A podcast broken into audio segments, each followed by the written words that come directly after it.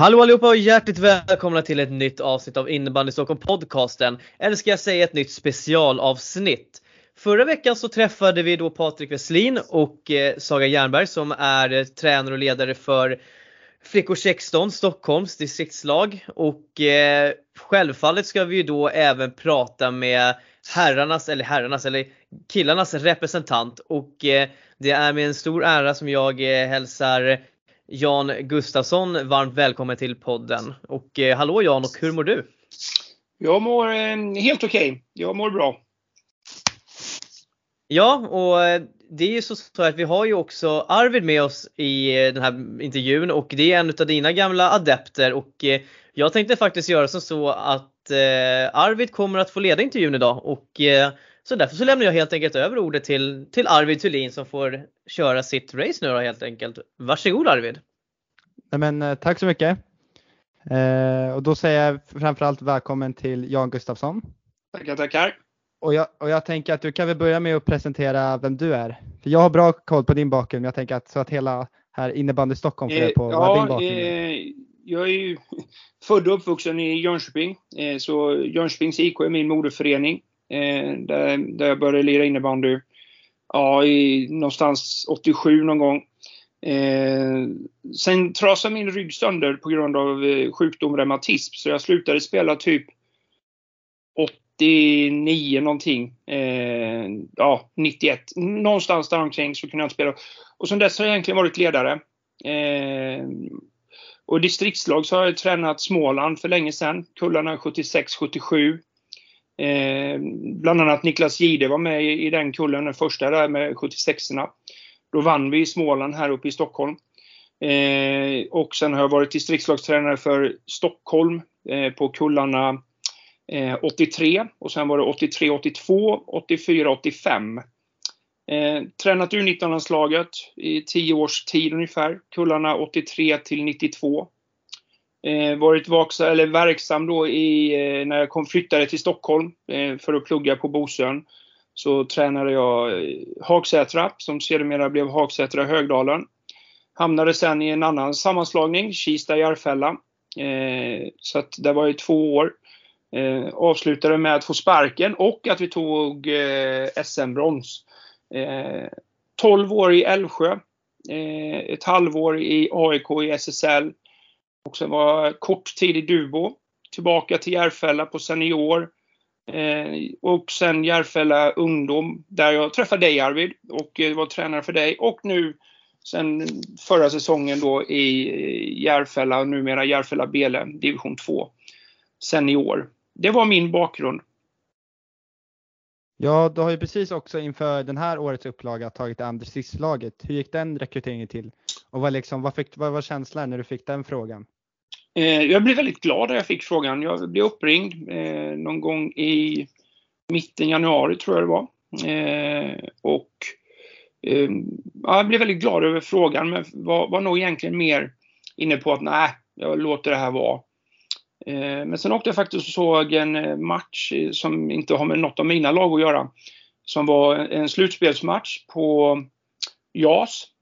Och när jag var i hallen kände jag liksom att det är här jag ska vara. Det är, den här, det är det här jag ska pyssla med. Så då, då valde jag att tacka ja till, till uppdraget. Eh, vilket jag är väldigt glad över att jag gjorde. Jag tycker det är väldigt kul. Eh, vi i ledarstaben då har ju valt att vi ska jobba med utbildning från första start vad, vad de här killarna som kommer då till, till alla samlingar från första start då, så, så har vi pratat om utbildning. Vad, vad vi tycker är viktigt i att, att kunna bli en bra innebandyspelare. För man måste veta det att när, när, när man börjar med en sån här uttagning så är det ungefär 130 spelare, 130 killar. Någon av dem kommer bli otroligt bra på innebandy till och med någon av de som inte har varit på de här uttagningarna kommer bli väldigt, väldigt, väldigt bra. Några av dem som kanske vi har tagit ut till och med i slutändan kanske inte når så långt. För att det ligger så olika i utvecklingen i den här åldern. Några är sena i starten och det är någon av dem kommer bli jättebra. Det är jag 100% säker på. Jag tänker även, du nämnde här om din eh, ledargrupp. Vilka är det egentligen som består i din stab och vad har ni för olika roller gentemot varandra? Eh, jag är huvudansvarig. Eh, sen har jag med mig som assisterande då Anders Mörk, som jag har jobbat med förr. I Älvsjö AIK var vi tillsammans i, i några år Eh, och eh, känner varandra väldigt väl. Eh, han har även varit eh, distriktskapten. Han, han och jag var distriktskaptener tillsammans för 83, eller förlåt, 84-85 eh, och 82-83. Där, där, växlade vi uppdrag. Jag var huvudansvarig för 82-83 och, och, Anders då var huvudansvarig för eh, 84-85. Eh, och eh, sen har vi jobbat ihop tillsammans och så ställer jag frågan att jag vill, jag vill ha med honom och han tackar ja.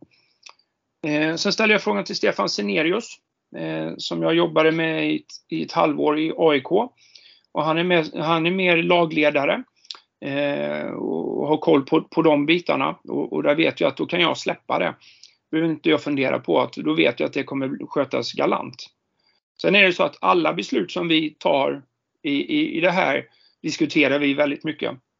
Sen är det så att är det någonting som skiljer sig åt så har jag sista ordet.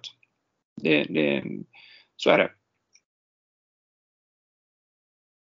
Ja, jag tänker även att vi diskuterade lite här med spelartruppen innan eh, vi började spela in nu och det var just att du har valt att ta ut två målvakter och resten är ju nämnda då som utespelare. Kan du utveckla lite hur du resonerade kring att jag vet att flickorna valde att mer ange positioner och du väljer mer att hålla det öppet som utespelare. Hur kommer det sig? Ja, men det, det, det, är samma sak här som vi började göra med när jag var förbundskapten för U19-landslaget. Jag kommer inte ihåg exakt vilken kull det är, men, men vi märkte att spelare som eh, vanligtvis i sina klubblag spelade exempelvis back. Var, var väldigt bra som center. Men framförallt var det så att det var forwards som vi tyckte de här passade som backar. Så att istället för att vi då skulle liksom att säga så ja ah, men han får inte spela på sin rätta position, så har vi val, valde vi då att ja, men vi tar ut utespelare. De är utespelare, så kommer vi placera dem så som vi tycker att det kommer vara mest lämpligt för, för dem själva i, i det långa loppet. Vad vi tror att de kommer spela i när de blir, blir seniorer. Eh, vi har träffat rätt på jättemånga av det eh, på, när, från U19-tiden. Och jag är ganska säker på att även, även vid det här tillfället så, så kommer vi träffa rätt på, på en kille att, som är uppskriven som forward när han hoppar in i det här anmäld som forward. Men, men eh, vi kommer spela honom som back och han kommer säkerligen få en fantastisk framtid som, som seniorback för han är väldigt seniormässig i sitt spel. Ja, jag tänker även där att du nämnde lite med att ni har lite olika idéer på att vissa forwards kanske spelar backar och så vidare. Har ni också då att ni har vissa av er i staben som har ansvar för olika delar, till exempel att Mörk då är ansvar för powerplay och boxplay? Eller Nej. är det du som är huvudansvarig för det taktiska? Eh, jag drar de stora delarna. Eh, sen diskuterar vi igenom eh, hur vi ska göra. Men, men, men jag står som ansvarig, eller är som ansvarig. Sen, sen kan det vara så att eh, Anders kanske har mer på, på boxplay och jag lite mer på powerplay.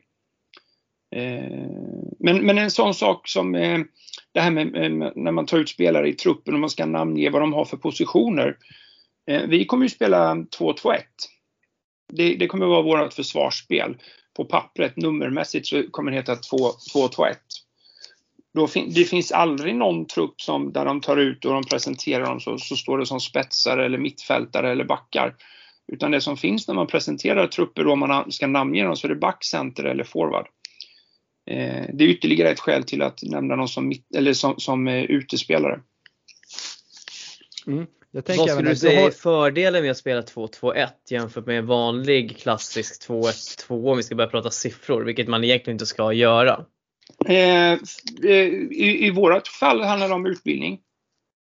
De, de, flesta av de här killarna som vi har, de är vana vid att spela 2-1-2. Eh, 2-2-1 är de inte så vana vid. Och då tänker vi att då har vi ett ypperligt tillfälle på att kunna utbilda dem i att spela 2-2-1. Vi har mm. även spelat 2-1-2 på, på när vi har haft samlingar.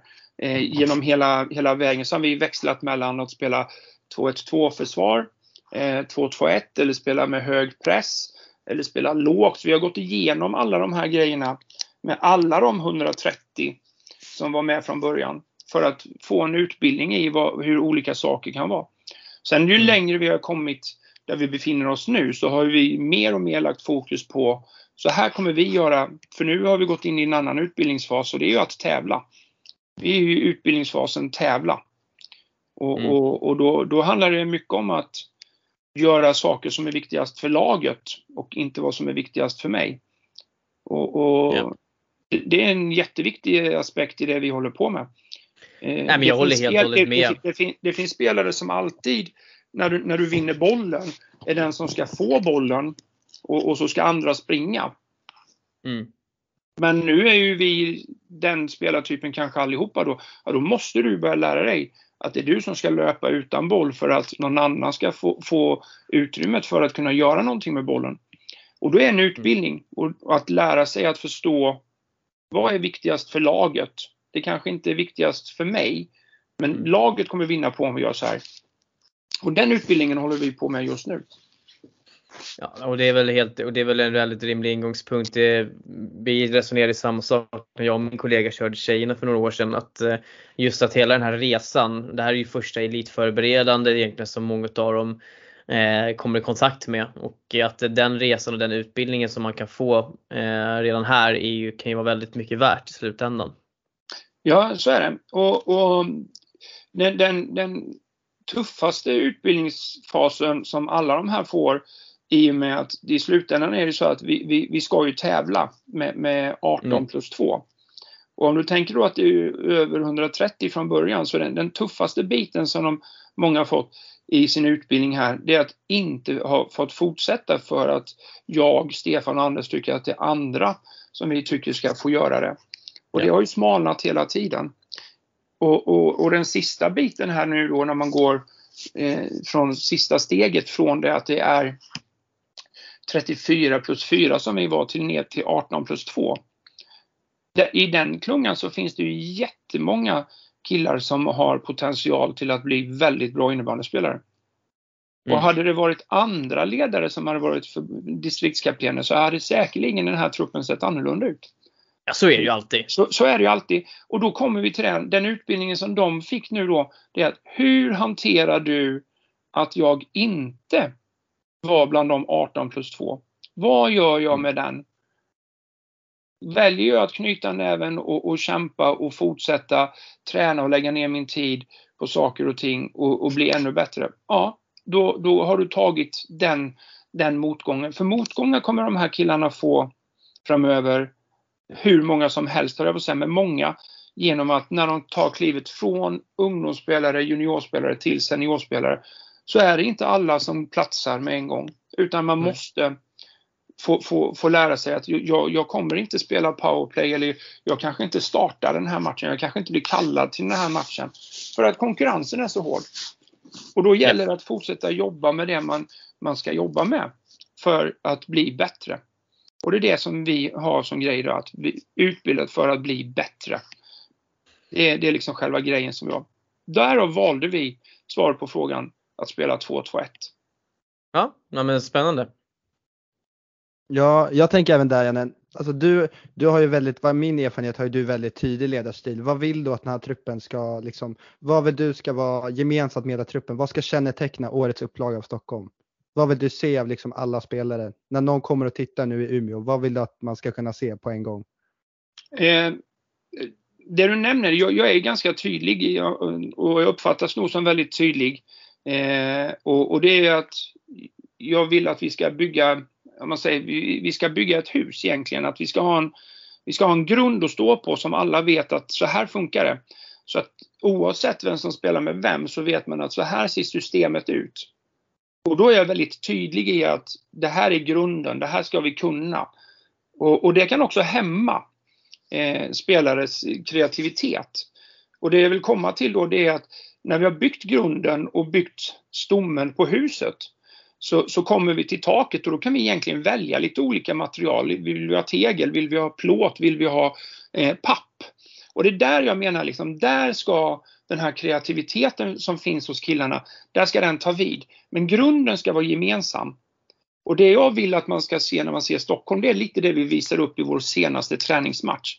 När vi mötte, mötte Södermanland. Med den aggressiviteten och det omställningsspelet och det, det fysiska spelet. Det är det jag vill att vi ska se. att man, andra ska få uppleva liksom att se att ja, men det här är Stockholm. Sen ska det också vara tydligt att se hur löser vi andra motståndares eh, försvarsspel exempelvis. Hur löser vi deras spel med boll? Att man ska se att vi är väldigt tydliga i vad vi vill göra i de olika situationerna. Jag tänker även, märkte du någonting under den här processen att det här kanske var en svårighet eller någonting du inte räknade med? Att det blev kanske lite nytt att det här var kanske någonting jag tänkte var lite enklare för dem eller det här trodde jag skulle vara lättare att ta in? Nej, alltså det, det, det, det, jag in, det jag var inne på är att, som du själv sa, som du, att många upplever nog mig som en väldigt tydlig tränare i hur det ska vara. Och det som jag sa där, att det har låst säkert en del i deras kreativitet. Men de kommer upptäcka här nu och de upptäckte i, i eh, söndags här att när, när, när vi då är klara med det här arbetet i att sätta de här och vi bara ska släppa loss så märker de vad som händer. Då gör de de här sakerna utan att tänka på det. Och då kommer vi till det som jag kallar för ryggmärgsinnebandy. Det vill säga att du spelar med ryggmärgen. Du funderar inte på vad du gör. Du har lärt dig sakerna. Du, kan, du vet hur du ska hantera olika situationer. Och då, då gör du det. Och då gör du det tillsammans med de andra. Jag tänker, jag har, gjort, jag har gjort lite research på alla spelare och försökt få en överblick av vilken nivå alla spelar på. Och nästan alla, alla spelar ju på juniorallsvenska nivå. Men jag har även sett att vissa av dem har även fått prova på senioren i bandy. Vad ja. tänker du liksom är generellt viktigt för alla de här som kommer nu, är födda 07, 08, börjar närma sig senioren i bandyn? Vad är viktigt att de tänker på när du ska välja vilket seniorlag de ska spela på? Vad är liksom viktigt att komma ihåg och tänka på för alla de här som nu tänker och börjar närma sig senioren i bandyn? Ja, vi, vi har också gjort, det är också ett val att vi har ju valt att bedriva verksamheten som att vi vore ett seniorlag. Det, det är liksom, det, det, det, är liksom vi, vi, vi lägger upp saker och ting på, på, på ett sätt som att det är ett seniorlag. Eh, för det är dit de, de här killarna ska. Eh, och, och, alltid när du tar klivet in i seniorlag så, så är det viktigt med, med speltid. Men, men, det kan inte vara också så att du, för, att du ska förvänta dig att du alltid ska spela. Som första senior, om du, du liksom tänker generellt, beroende på nivå givetvis, att du har kanske 50, runt 50 procent av matcherna så har du varit med och spelat. Om du kommer upp till 75 procent så, så, så, att du liksom är startspelare, att du nästan är ordinarie. Inte 100 procent, men du ligger på 75 procent av matcherna när du är med och spelar. Då är, då är det jättebra. Det är få av dem som kommer gå direkt in och ha 100 procent och bli helt ordinarie i, i ett seniorlag. Det, är liksom, det kan du se statistiskt sett att det är väldigt få som gör det, att bli helt ordinarie. Och då menar jag liksom att du spelar, du spelar liksom alltid 60 minuter. Du är med när man går ner, då är du helt, helt ordinarie.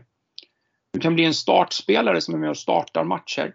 Eh, och, och, och sen när, när det drar ihop sig så kanske du får, får kliva åt sidan för att då går man på de spelarna som har mer rutin som seniortränare. Eh, men, men du vet, du ska sikta på att du ska få speltid. Om du bara, bara sitter vid sidan om hela, hela, hela tiden, då är, då är du inte på, på rätt nivå på seniornivå. Så att jag skulle hellre välja att spela kanske då, om man får säga, division 2 eller division 1 och, och vara spelare i ett sånt lag än att tillhöra ett allsvenskt eller ett SSL-lag och vara deltagare som på pappret men inte speltid. Då tror jag det ger mer i utvecklingen att spela på en lägre nivå. Ja, för att även fast många av de som är med i distriktslagen inte är just nu aktuella för allsvenska SSL så blir det väldigt aktuellt. Och eftersom med din erfarenhet, från U19-landslaget så är ju dessa, alla de här frågorna blir väldigt relevanta för alla ja. unga som närmar sig elitbandyn. Och då tänker jag också, har du några tips du har märkt nu under den här trupputtagningen? Folk som ska kanske nästa år, som är födda 08, kanske behöver träna extra på eller som du ser liksom är allmänt är någonting du känner att ungdomar behöver jobba mer på? Eh, ja, det, det, det, som är tydligt eh, är att de som vi har just nu, eller man säger då, att många av de här spelarna som vi har haft som 07 här nu då, som har varit med, det är att de kanske när de har spelat på mörkröd nivå, en del av dem har varit så dominanta Så att de har egentligen inte behövt jobba med de fysiska detaljerna. För de har klarat sig på den talangen de har. Med klubba och boll och kanske eh, stora till växten eller, eller liksom ha någonting specifikt som gör att de blir väldigt dominanta. Så, så de har aldrig behövt träna på exempelvis närkampsspel, både offensivt och defensivt. Och det märker jag att det, det, har vi tränat en del på och fått till. Och där till slut nu skulle jag säga eh, eh började, började vi få till det fysiska spelet, hur man spelade ett närkampsspel. Och då pratar vi inte om att man ska springa runt och tacklas, för det får man inte göra. Utan vi pratar om att komma in på kropp, att vara nära, att trycka, att pressa. Att bli jobbig för motståndaren i de situationerna. Så det skulle jag tipsa egentligen till, till alla ungdomstränare eh, när man, när man liksom kommer till mörkröd nivå att, att träna mer på närkampsspel. Eh, träna en mot en situationer som övningar Eh, för att liksom komma in på kroppen, att lära sig det. Ja, jag tänker även där lite mer också generellt av att eh, vi vet ju att Stockholm har ju väldigt, flera år nu haft en väldigt bra trupp på pappret med väldigt, alltså väldigt bra namn helt enkelt som har blivit väldigt bra nu. Det är flera nu från 04-05 kullen som nu spelar i SSL. Men de har alla åkt ut i kvartsfinal de senaste tre åren. Vad är det du känner gör så att ert lag, vad känner du att du kan bidra med så att ni kan liksom nå längre i det här årets upplaga? Nej, men, men man, man, kan väl bara kort eh, konstatera att eh, samtliga distrikt som, som, som, är med och spelar eh, SDF-SM eh, har ju gått väldigt mycket framåt. I och med att jag har ju följt eh, den här turneringen liksom i, i, över tio års tid på, på plats och, och scoutat för, för U19.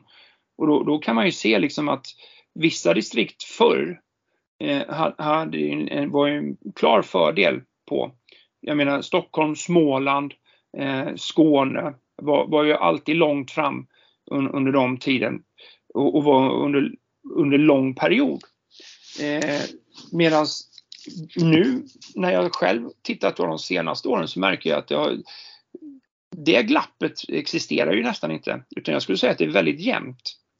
Eh, vad, vad, som är orsaken till att Stockholm de senaste åren inte har gått förbi kvartsfinalen, det kan jag inte svara på exakt. Vi har valt att jobba väldigt mycket med gruppen. Eh, att förstå hur, hur, gruppen fungerar och vad, vad som är viktigt för att eh, eh ett lag ska lyckas. Eh, och, och, diskuterat och pratat om sakerna. Eh, och det hoppas vi att det ska vara en del i att det ska gå bra. Ja, ja alltså en tänk... anekdot från det där är ju från när pojkar 03 spelade som var de senaste som faktiskt tog en medalj.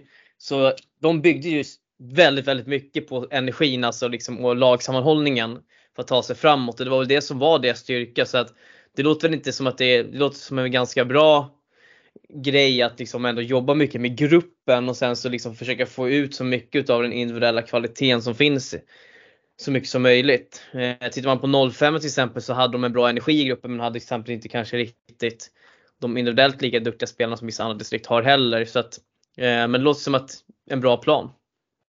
Ja, ja men det, det, det, det har varit viktigt för mig i, i egentligen alla lag som jag har tränat i att, att gruppen fungerar. Eh, och, och, då vet man liksom att då, då, om du trivs i din grupp då kommer du också kunna göra bättre ifrån dig. Eh, så att det är en viktig aspekt.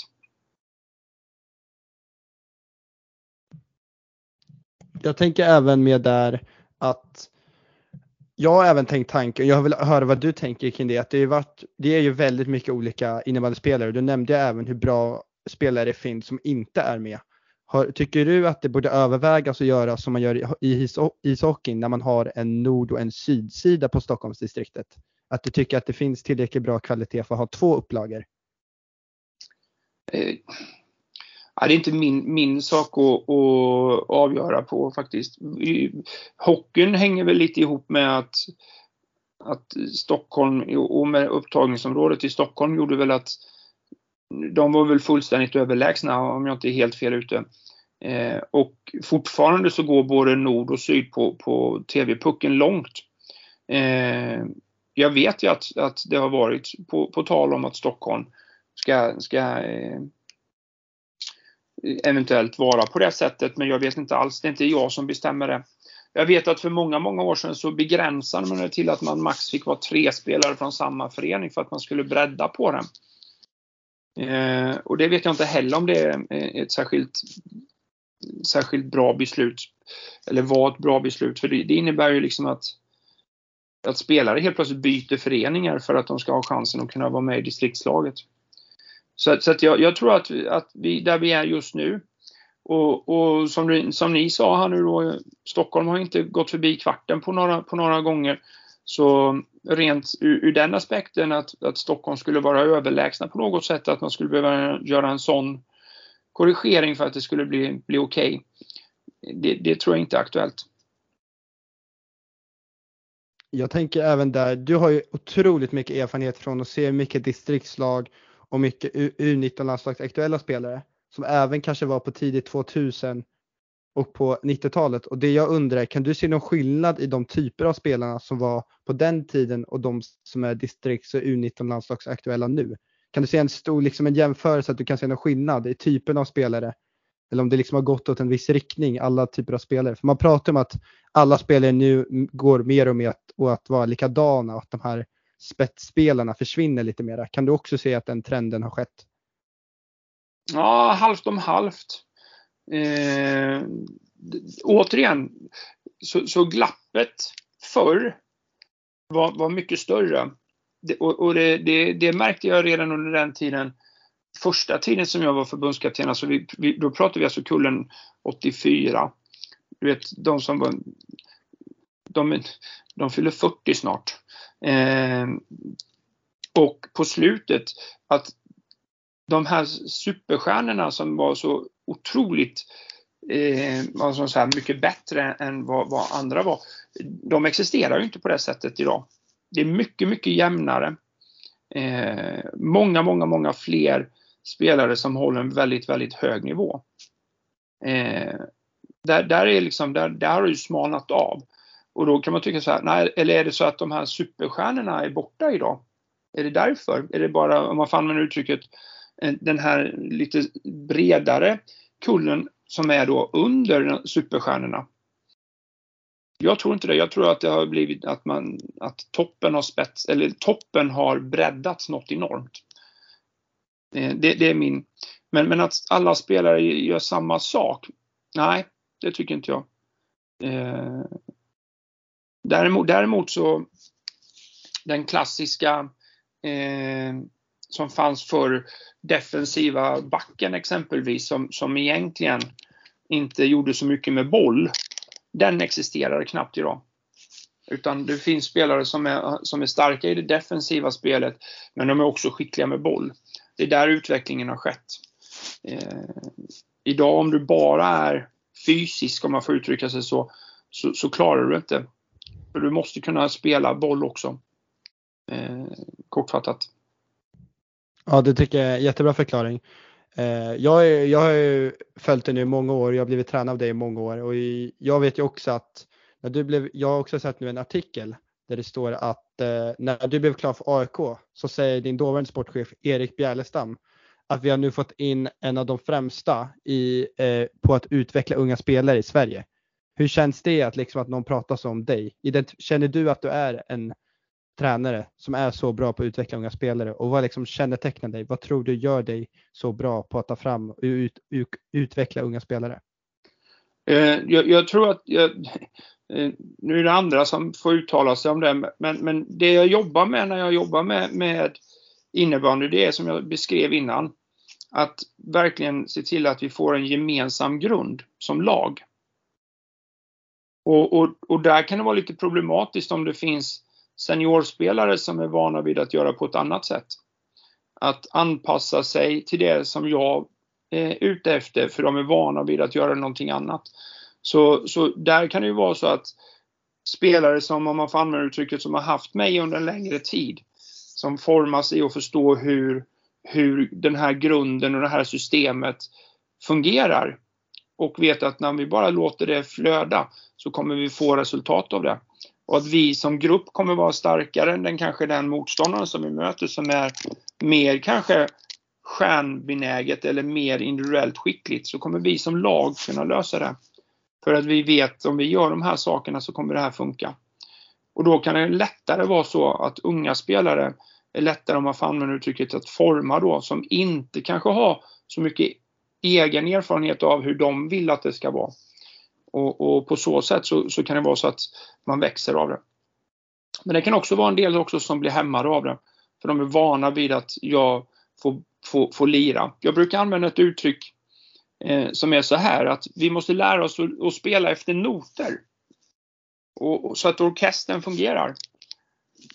Sen, sen, kan det vara så att ibland så har man, man vissa stycken där man kan få lira på bara gehör. Och, och det är det här man måste blanda. Du måste kunna ha noterna men, men du måste också kunna dra ett solo ibland. Men en del, en del spelare har jättesvårt för att komma in i att spela efter noter. Eh, de har aldrig tränat på det. Och, och då blir det jättejobbigt eh, en, en stund tills man lär sig.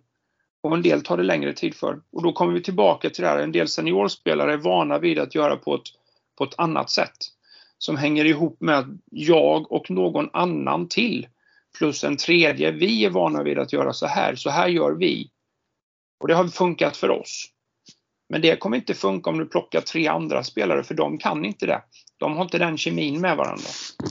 Så, så därför så formar jag sakerna i mina lag efter att det här är gemensamt, det här är någonting som vi gör tillsammans.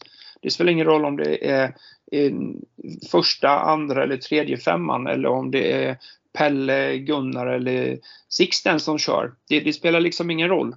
De ska veta det här är grunden. Jag vet inte om det var svar på din fråga. Nej, jag, jag tycker verkligen att det var svar på min fråga. Och det jag också tänker är ju att du har ju blandat mellan att ha de här uh, U19 och distriktslag där man träffas vid enskilda stunder med att du nu också utvecklar väldigt många unga spelare i ditt nuvarande lag i FLAB eller IBK i division 2. Hur har du annan typ av ledarskap när du träffar dem veckovis och när du träffar nu de här på distriktslaget vid bara enskilda tillfällen? Att måste du agera annorlunda i din ledarstil och hur du framför informationen då du har en lite kortare tid med själva spelarna? Eh, ja, det skiljer sig lite. Eh, eller det, det, det, skiljer sig ganska mycket.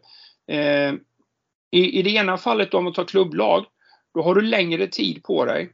Eh, och att, om man får använda uttrycket, jag har egentligen inte riktigt valt alla spelarna utan man, de finns och så, så, på det sättet så, så finns vi i den här gruppen. I ett, i ett U19-landslag, då, då valde jag ju spelarna. Då hade jag ju det här att välja på, då valde jag ju. Och, och, och då valde man ju där man ser också, de här kommer kunna bli jättebra men de är också, de är också vana vid att, att göra vissa saker som, som jag ser, det här kommer passa jättebra. Så, så att det var ju en fördel såklart. I distriktslaget här nu som man pratar om då, då, då, har man inte så mycket tid. Så då måste man vara lite mer extra tydlig i början. Eh, för att verkligen vara, vara, vara liksom, tala om att det är det här som gäller, så här gör vi. Eh, och för att sen lätta lite på det för att få fram den kreativa sidan i att, ja men okej, vi har det här i grunden, då kan vi göra den här lösningen mitt i. Eh, men, men där måste du vara lite skarpare i, i, i tillvägagångssättet i, i början. Sen har vi i sig haft en lång process för alla de här killarna har ju varit med ända från maj. Men då har de ju liksom, då var vi ju som jag sa, då var vi 130 så de har varit utspridda i jättemånga olika grupper. Så att egentligen är det bara sen, ja då måste jag se så jag säger rätt här, måste jag kolla lite i papperna. Sen 30 oktober eh, som vi hade eh, två lägerdagar. Sen hade vi ett pass i, i, november och sen har vi haft två lägerdagar i, här i början av december och så har vi haft en, två träningsmatcher. Tre träningsmatcher har vi haft. Eh, det är vad vi har haft. Det är lite skillnad på att träna ett klubblag. Det där var kanske tre veckor med ett klubblag. Som jag gick igenom nu. Ja men exakt, du, exakt, det är ju ganska lite tid. Men ja. eh, det jag också tänkte på är att när du valde ut ditt lag, man brukar ju kalla i rangordning gubbe 1-18, var du väldigt snabbt säker på kanske de första 10-13 spelarna? Och att de sista, plats nummer 14, 15, 16, 17, 18 var de som tog lite längre tid? Eller kände du hela tiden att det var öppet hela vägen ut? Ja, men det var, det var ganska många. Sen är det så att vi har ju, Stockholm jobbar ju på det att vi, vi man, man tar ut en, SM-trupp då som det heter 18 plus 2. Men, men då, du har också med dig 5 plus 1 som är reserver för att vi ska kunna ha, bedriva verksamheten. Och att om det är någon som blir skadad, sjuk, så har vi reserverna som är med hela tiden i träningsprocessen. Så att just nu då så är vi ju då 23 plus 3, om, om min matte gick rätt där, ja den gjorde den, eh, som, som vi har med oss. Men det är egentligen då 18 plus 2 som vi har tagit ut i truppen. Så, så är det. Eh, och, och, det är alltid så i, när, man, när man tar ut en trupp att det, viss, vissa är, är, man ganska säker på ganska snabbt och, och, vissa funderar man kring. Och sen är det också ett pussel på, på vad, hur, hur, hur kan man, vissa spelare spelas. Och, och där, där skulle jag säga så här att i den här truppen så har vi en hel del som kan spela på olika positioner. Och det är viktigt. Så att man inte bara är fast på, på en position. Och då, då kommer vi till det här till positioneringen i truppen och därför vi kallar dem för utespelare. För skulle vi sätta eh, digniteten eller, eller, eller, eller vad heter det, fack, få, få in någon i facket liksom att den är center och så helt plötsligt spelar vi den högerback. Då börjar den fundera, jag är ju center, varför spelar jag här? Så de är utespelare. Och, och många av dem kan spela på många olika positioner. Ja, eh, tack för väldigt mycket insiktsfulla tankar Janne kring truppen här. Och jag tänker vi, vi fortsätter väl spela på den, eh, på den fiolen då, då och ja. Eh, gå in och kika lite på, på eran trupp. Och eh, nu har ni satt dem som utespelare men jag tänker väl att vi Eh, vi, jag nämner namn, några namn här i taget så kan väl du liksom bara berätta vad det är för eh, spelartyper då, då helt enkelt. Ja. Och om vi börjar i mål så har ni tagit ut eh, Jonathan Williamson från AIK och William Karlsson från Huddinge IBS. Och eh, vad är det här för typ av målvakter? Eh, de är två stycken sådana som jag kallar för knä-knämålvakter. Eh, som, som är duktiga på det med, med sidledsförflyttningar genom att jobba knä-knä. Mm. Eh, jag ser väldigt många målvakter nu som börjar jobba på ett annat sätt. När man reser sig upp i sin förflyttning och så tycker jag då att då blir man väldigt ihålig. Men de här två målvakter som är, som är täta i och med att de jobbar som knä-knämålvakter. Eh, och det är väl egentligen där i slutändan som, som eh, valet föll på dem. Sen, sen har mm. vi ju sett då, bland annat Jonathan har vi ju sett i, eh, i USM eh, där han eh, stod mycket för AIK förra säsongen. Eh, när de, när de eh, tar silver i USM. Och där gör han Precis. det väldigt bra. Ja, eh, tittar vi lite på utespelarna då, då så Eh, I och med att eh, ni inte kör några direkt fasta positioner så som jag sagt så tar vi några namn här åt gången. Och, eh, yep. Vi kan väl börja då med att eh, ni har plockat ut, eh, och jag ber om ursäkt och reserverar mig för uttal redan på förhand. Men då har vi Albin Binzau från Hässelby SK. Alexander Ekman från Huddinge IBS. Emil Thorberg från Djurgårdens IF och Erik Gren från Huddinge IBS. Vad har du att säga om de här fyra spelarna? Eh, Nej, Albin är en väldigt eh, offensivt lagd spelare. Eh, spelar till vardags då i, som back i Hässelby. Eh, sen nämnde du Emil Thorberg också va? Mm, precis. Ja, eh, och Emil är, spelar ju mer eller mindre ordinarie i Hammarbys division 2-lag. Eh, som också offensivt lagd men också, också ganska stor i, i kroppen eh, och, och, fysisk i, i sitt spel. Eh, Ekman eh, mm. är nog benämnd som center från, från, från början. Och, och, det kan jag tänka mig att i ett 2-1-2-spel så är han jättestabil och bra center. Eh, hos oss så kommer han ju med största säkerhet spela mittfält. Eh, yeah. som, som är liksom en, en, klassisk härförare i den benämningen i en 2-1-2 uppställning. Som, som äger mittplan. Ja. sen var det Erik Gren, eh, rightad kille som spelar nu uppe i RIG, Umeå. Eh, men, men är från Huddinge. Eh, med ett sylvast skott. Eh, eh kommer att kunna användas som mittfält, spets eller back hos oss. Men troligtvis så kommer han spela mest mittfält. Men, men han kommer jag skulle också kunna tänka mig att i framtiden så skulle jag inte bli förvånad om Erik Gren slutar som att bli en väldigt, väldigt bra vänsterback. Mm. Eh, jag skulle inte bli förvånad om det, det, det, blir där han hamnar till slut som, som seniorspelare. Ja, men eh, om vi går vidare då så hittar vi Filip Bäcklin från Väsby. Vi har Filip Wallstedt från Huddinge. Vi har Gabriel Baragan eh, från AIK och Jesper Persson från Hässelby. Vad har, vi säga, vad har du att säga om de här fyra grabbarna? Eh, Filip Ekling har ju en eh, speluppfattning som är enorm. Eh, han är som jag säger en player, liksom att han, han lirar ju bollen och han, han vill ju ha mycket boll. Eh, mm.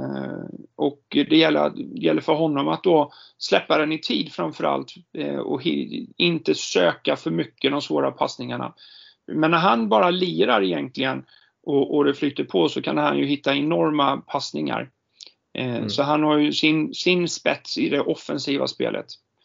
Eh, och sen var det Filip Wallstedt. Ja. Eh, en, en, en, fysisk spelare. En, en kille som, som eh, troligtvis kommer stanna som, stanna som back. Men också skicklig i spelet med boll. Men framförallt har han sin styrka i det fysiska defensiva spelet. Men också en väldigt kille i gruppen som driver gruppen framåt. Eh, otroligt bra och pushar på de som är med i gruppen. Eh, Gabriel då i AIK. Eh, yeah. Eh, en, en kille, en back, han kommer troligtvis spela back eh, och är duktig i, i eh, det offensiva spelet med boll och med sitt skytte från bakplan. Jesper Persson, eh, också en, en, kille som är stark i det fysiska spelet med, med, med, att använda sin kropp. Men också skicklig i spelet med boll. Mm. Ja, och eh, tittar vi vidare så har vi Christian Kaspervik från Hässelby, Linus Berglund från Täby FC, Lukas Hägglund från Hammarby men går ju på RIG nu då, då och sen Ludvig, Ludvig Karstelius Öman från Huddinge. Ja, då ska vi se var vi började någonstans. Då tappade jag mig lite. Det var Kaspervik vi pratade om, var, nämnde ja. Va? Eh, rightad forward eh, till vardags. Eh, kommer med stor säkerhet hos oss spela mittfält eller spets. Eh, han skulle kunna gå båda två. Eh, men, men har spelat mest mittfält. Är som bäst sista tredjedelen. När, han, när han får komma till med, med sina avslut. Linus Berglund då som spelar i Åkersberga numera och eh, även på dubbellicens i Vallentuna har känt på lite division 2-spel i, i Vallentuna. Eh, är också en kille som har enormt spelsinne och, och förstår hela spelet på ett fantastiskt sätt. Men har också en kvalitet i att eh, både framspelare och avslutare. Eh, så att han, han, kommer också nyttjas på den sista tredjedelen som mest. Eh, Hägglund eh, på RIG Umeå. Eh, kom, gick, hamnade där från Hammarby. Skulle, om du ska ta positioneringar så skulle han kunna spela i stort sett vad som helst på plan. Och eh, han skulle göra det jätte, jätte, jättebra. Men hos oss kommer han troligtvis hamna som höger mitt eller spets. Troligtvis spets. Mm. Eh, också en jättebra framspelare och avslutare. Han har båda de kvaliteterna. Eh, men också väldigt stark i, i det här med hur spelet funkar och förstå sakerna. Så att, eh, ja, också en pådrivare i gruppen. Ja. Och eh, Ludvig Karsterius Öhman då? Ja, han var med i den slängen också. Ja. Eh, han spelar, han spelar i, i Huddinge. Och eh, har väl på slutet här nu börjat få eh, kontinuerligt med matchtid i division 2. Eh, ja, det är korrekt.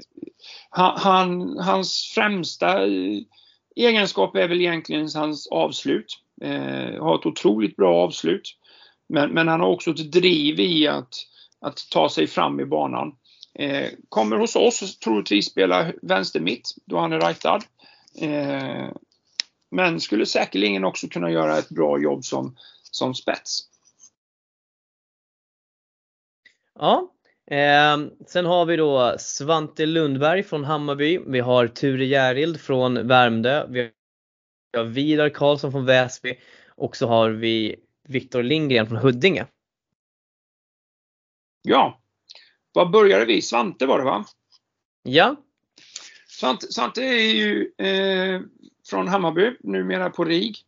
Eh, och mm. och eh, han, han spelar mestadels back. Han, han, skulle likväl kunna spela spets i, i min bok. Eh, troligtvis mittfält också, men vi har valt att i och med att när han går på RIG så är det färre tillfällen som han är tillgänglig. Så, så då har vi valt att jobba mest med honom som back. Eh, inte yeah. prövat så många andra positioner. Men, men jag skulle kunna tänka mig att eh, han är allround. Eh, också en väldigt spelande eh, back. Eh, är bra på när han fyller på med, med, med, med sina löpningar från bakplan. Eh, så att, ja. ja. Ture Järild. Eh, William Edgren då? Från FBC ja, William Edgren. Eh, otroligt spelbegåvad. Eh, och, skulle man följa, det här är en sån här spelare som det ser man egentligen inte om man inte följer det noggrant. Men om man är med på träningar och tittar så ser man så här att okej, okay, oj nu är det två backar som är uppe. Jaha, ja, men då var William Edgren längst bak och, och täckte upp för dem.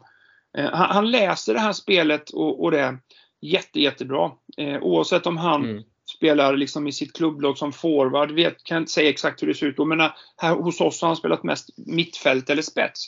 Men ändå är det han som kan balansera spelet genom att förstå att här måste jag täcka. Eller här måste jag gå på mm. djupet eller här måste jag göra de här. Eh, väldigt duktig i passningsspelet. Eh, ser, ser, eh, ser passningar eh, på ett väldigt bra sätt där andra ropar skjut så passar han istället och så får någon raka in den i tom. Och, och det där uppskattar ju jag. Eh, så att han, han, har ju en enorm eh, kapacitet i sin spelförståelse. Ja, kul. Och eh, sist men inte minst så eh, har ni ju det som jag har förstått är er lagkapten Viktor Mattsson från Värmdö IF. Ja, jag tror vi glömde Vidar Karlsson va? Ja just det, Vidar Karlsson kom vi aldrig in på. Ja, men Nej, Vidar Karlsson. Inte, eh... inte Ture heller. Ja, vi, vi kör Mattsson, eh, Järild och Karlsson där och ett svep. Ja, då börjar vi med, med, med Ture Järild. Eh, en sniper Eh, som, som eh, trycker dit bollarna när, när läget dyker upp. Eh, och eh, går, i Värmdö går han väl mest som spets eh, när de spelar 2-2-1. Eh, och jag har även sett honom lite som högermitt i, i det. Men hos oss kommer han troligtvis vara den som är längst fram i banan och ska, ska ha bollarna i slutändan och, och, och, och smälla dit dem. Eh, Vidar Karlsson eh, är ju både en framspelare och avslutare. Eh, offensivt lagd. Eh, med, med en jättebra spelförståelse i det här spel, de här som jag brukar säga när man lirar på gehör. Och, och, och det, är mm. alla, det gäller egentligen alla de här killarna som jag har laget. Det är otroligt bra på att lira på gehör när det dyker upp de lägena. Men han är vidare både avslutare och, och, och framspelare. Gör mycket poäng eh, i alla lagkonstellationer han har varit med i. Eh, ja. Såväl som i, i Väsby som hos oss. Och sen har vi egentligen två spelare kvar då tror jag va? Ja. Vi ska se, jag, jag har en lista här så att jag tänkte jag skulle gå igenom dem bara. Tog du Viktor Lindgren också? Ja, vi har Viktor Lindgren och sen har vi Viktor Mattsson va? Ja, precis. Om vi börjar med Viktor Lindgren. Eh, han är den spelaren som jag nämnde innan eh, som troligtvis kommer få en lysande karriär som vänsterback. Eh, men som troligtvis har spelat vänsterforward i hela sitt liv. Mm. Men, men vi, vi ledarstaben och jag tyckte liksom att jag tror att vi ska testa honom eh, som, som eh, back. Och han gör det fantastiskt. han är otroligt bra på att få stopp på situationer. Han är otroligt bra på att spela enkelt i, i, i första läget, det vill säga att få fart på bollen. Han är väldigt bra på att följa med och komma i rätt ytor i spelvändningarna. Eh, så att jag tror att han, han kommer bli en väldigt bra eh, vänsterback framöver. Han är också rightad, precis som Vidar Karlsson. Sen har vi lagkapten Viktor Mattsson. Som, som är den som eh, eh, ska leda styrkorna eh, med kaptensbindeln på. Eh, Duktig i det offensiva spelet. Eh, men jag säger att han skulle likväl kunna bli en väldigt bra back framöver. Eh, men, men eh, just nu så tror jag att vi kommer lägga fokus på att använda honom som höger, mitt eller spets. Men, mm. men min, min fundering är om inte Viktor någon gång i sin seniora framtid eh, hamnar på, på, på backen. Eh, där, han, där han kan styra spelet ifrån. Eh, både bra avslutare och framspelare. Ja, men eh, kul och eh, jag tänkte säga vi, vi börjar gå in på sluttampen här och eh, det är inte så, det sista vi ska göra är att vi har ju fått, våra lyssnare har fått ställa lite frågor till dig ja. inför idag. Eh, som jag tänkte att du ska få svara på. Trevligt. Eh, och eh, ska jag dra frågorna Arvid eller vill du göra det? Du kan dra frågorna du. Yes. Ja, vi börjar lite enkelt då. Varför kommer Stockholm vinna guld? Var, varför Stockholm kommer vinna guld?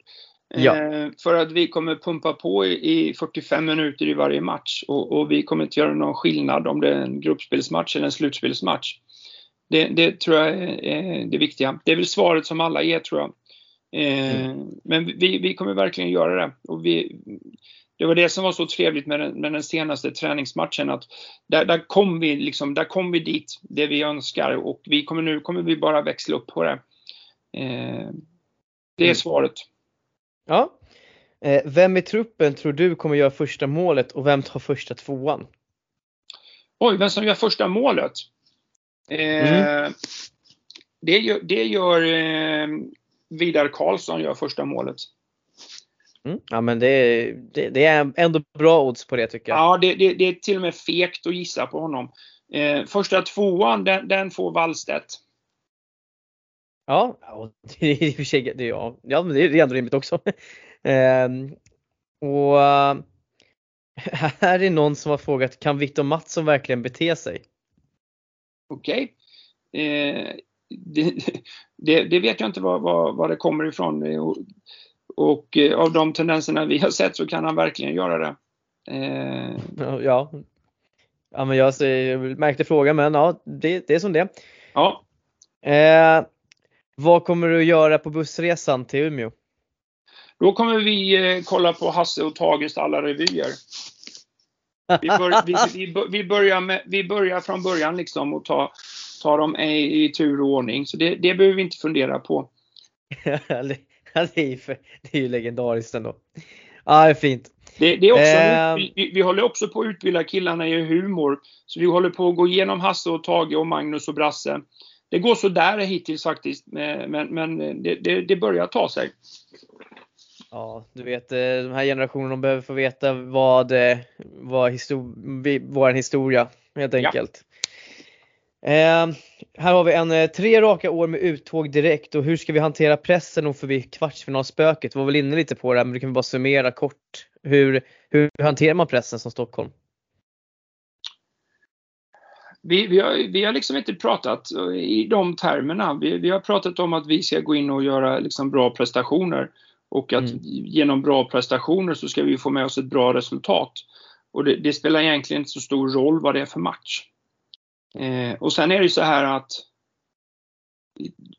här är det ju så unikt på det sättet i och med att det är distriktslag. Så vi har ju ingen historia egentligen att göra med vad vad kullen 06 gjorde eller vad kullen 05 gjorde. Det, det, det, berör ju inte den här kullen. Däremot så berör det ju Stockholm som distrikt. Men, men det berör mm. ju inte oss som individer i den här kullen. Eh, så att vi, vi, kommer liksom, vi kommer göra det vi ska göra. Eh, oavsett om det är första matchen eller om det är en, en kvartsfinal eller en semifinal eller en final. Mm. Ja, men eh, spännande. Och vilka tror du verkar vara det farligaste motståndet i SM? Eh, som, som, eh, som lag så, så kommer det vara, tror jag, Uppland tror jag kommer vara långt framme. Eh, men men den, den, farligaste motståndaren är alltid en själv. Mm. Om, man inte, om man inte gör sakerna fullt ut och är fokuserad på vad man ska göra, då blir man, blir man sin farligaste motståndare själv. Och det är den vi ja. måste vinna över först.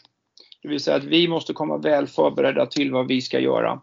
Och det, gör, det är det vi tränar på nu. Det är det vi håller på med i utbildningen. Att lära sig att tävla. Och då ingår förberedelse. Eh, allt från sömn och mat till, till mentalt.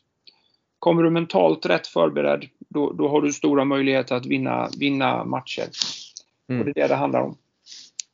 Så, så det är två ehm. olika. Som lag så tror jag att Uppland kommer vara långt fram. Eh, men annars är det vi själva som kommer vara den svåraste motståndaren. Mm, ja men eh, bra svar. Eh, här har vi fått sista frågan egentligen då så är det, ni ledare är ju gamla i gamet om man säger som så. Eh, hur tror ni att ni står er jämfört med, med yngre ledare? Ja, alltså det, det, det beror på vad man menar. Vi har ju en enorm rutin på, på saker. Eh, och, och, det är en klar fördel. Eh, sen är vi, vi, alla vi tre är ju väldigt lugna. Eh, vi är inte så mm. hetsiga av oss. Så, så jag vet inte vad, vad bra svar på den där frågan är, vad, vad skillnaden är. Eh, men, men det vi har på våran del det är ju att vi, vi tre ledare har alla varit med och vunnit SDF-SM med Stockholm. Och eh, det tror jag inte många andra ledare har. Nej, Nej men så är det ju. Eh, och det, jag vet inte riktigt vad man ville få fram i frågan men det, men det, det, det, var, det var bra svarat i alla fall. Eh, annars så är det liksom frågor som vi, vi har liksom varit inne på det under intervjun så jag tänker vi behöver inte repetera dem egentligen. Utan eh, jag tänker att vi, vi, jag har inte så mycket mer än så. Jag tror inte Arvid hade något mer heller, eller hur? Nej, jag vill framförallt bara säga att eh, jag tycker att det här är en väldigt bra rekrytering av Stockholms innebandyförbund. För jag tror verkligen på Janne och hans team. Att jag tycker mm. att det är exakt den här tydligheten som krävs när man har sådana här turneringar där man inte har så mycket tid. Att jag tror verkligen på Stockholm år. Så det var, det var länge sedan jag var lika exalterad över ett SDF-SM. Så jag önskar stor lycka till till Jan Gustafsson. Jag tar med mig det. Det var trev, trevligt, trevligt att höra. En fråga Janne, hur, eh, hur ligger det till här nu? Är ni skrivna på två, två vändor nu eller är det bara den här vändan som ni ska köra? Ja, jag är i alla fall på, på två. Ja. De, de andra vet inte om att de är på två än. Men de får reda på det nu. Ja, vad bra. Överraskning. Ja, ja överraskning. Nej, men, eh, ja, du ska ha ett eh, stort tack för att du tog dig tid att komma här och prata med oss och eh, förhoppningsvis så är det många som kommer att eh, ja, men tycka att det är spännande att lyssna på dig och dina insikter. Jag tycker man har du har verkligen fått eh, visa eh, dina ledarsidor här på ett exemplariskt sätt och eh, också verkligen lyft fram gruppen och lagt fokuset på rätt saker så att eh, jag kan bara ja, men säga tack och egentligen fråga om det är någonting som du skulle vilja säga till våra lyssnare innan vi avslutar. Åk upp och kolla på oss i Umeå. Nu, uff, lång, lång resa! Ja. ja. Om inte annat stötta från TV-soffan men det är klart det är väl alltid kul att åka upp och få lite publiktryck. Det, där har vi varit bra. Alltså, har man inte varit och tittat på ett eh, SDF-SM och man, man är intresserad av innebandy så, så ska man göra det för att det, det är liksom en upplevelse. Ja. Eh, att liksom som bara publik då liksom att gå runt i, i de olika hallarna och, och få se liksom de här matcherna. Ja, och den dramatiken som kommer vara när, när det drar ihop sig till sista omgången. Så, så, så är det en underbar, underbar upplevelse. Eh, ja. Så det rekommenderar jag varmt. Eh, yes. Så åk till Umeå. Ja, ja men bra budskap. Eh, om inte annat till alla våra lyssnare så eh, tackar för att ni hängde med oss i ännu ett avsnitt och eh, önskar er en fortsatt trevlig dag. Hej då! Tackar, tackar!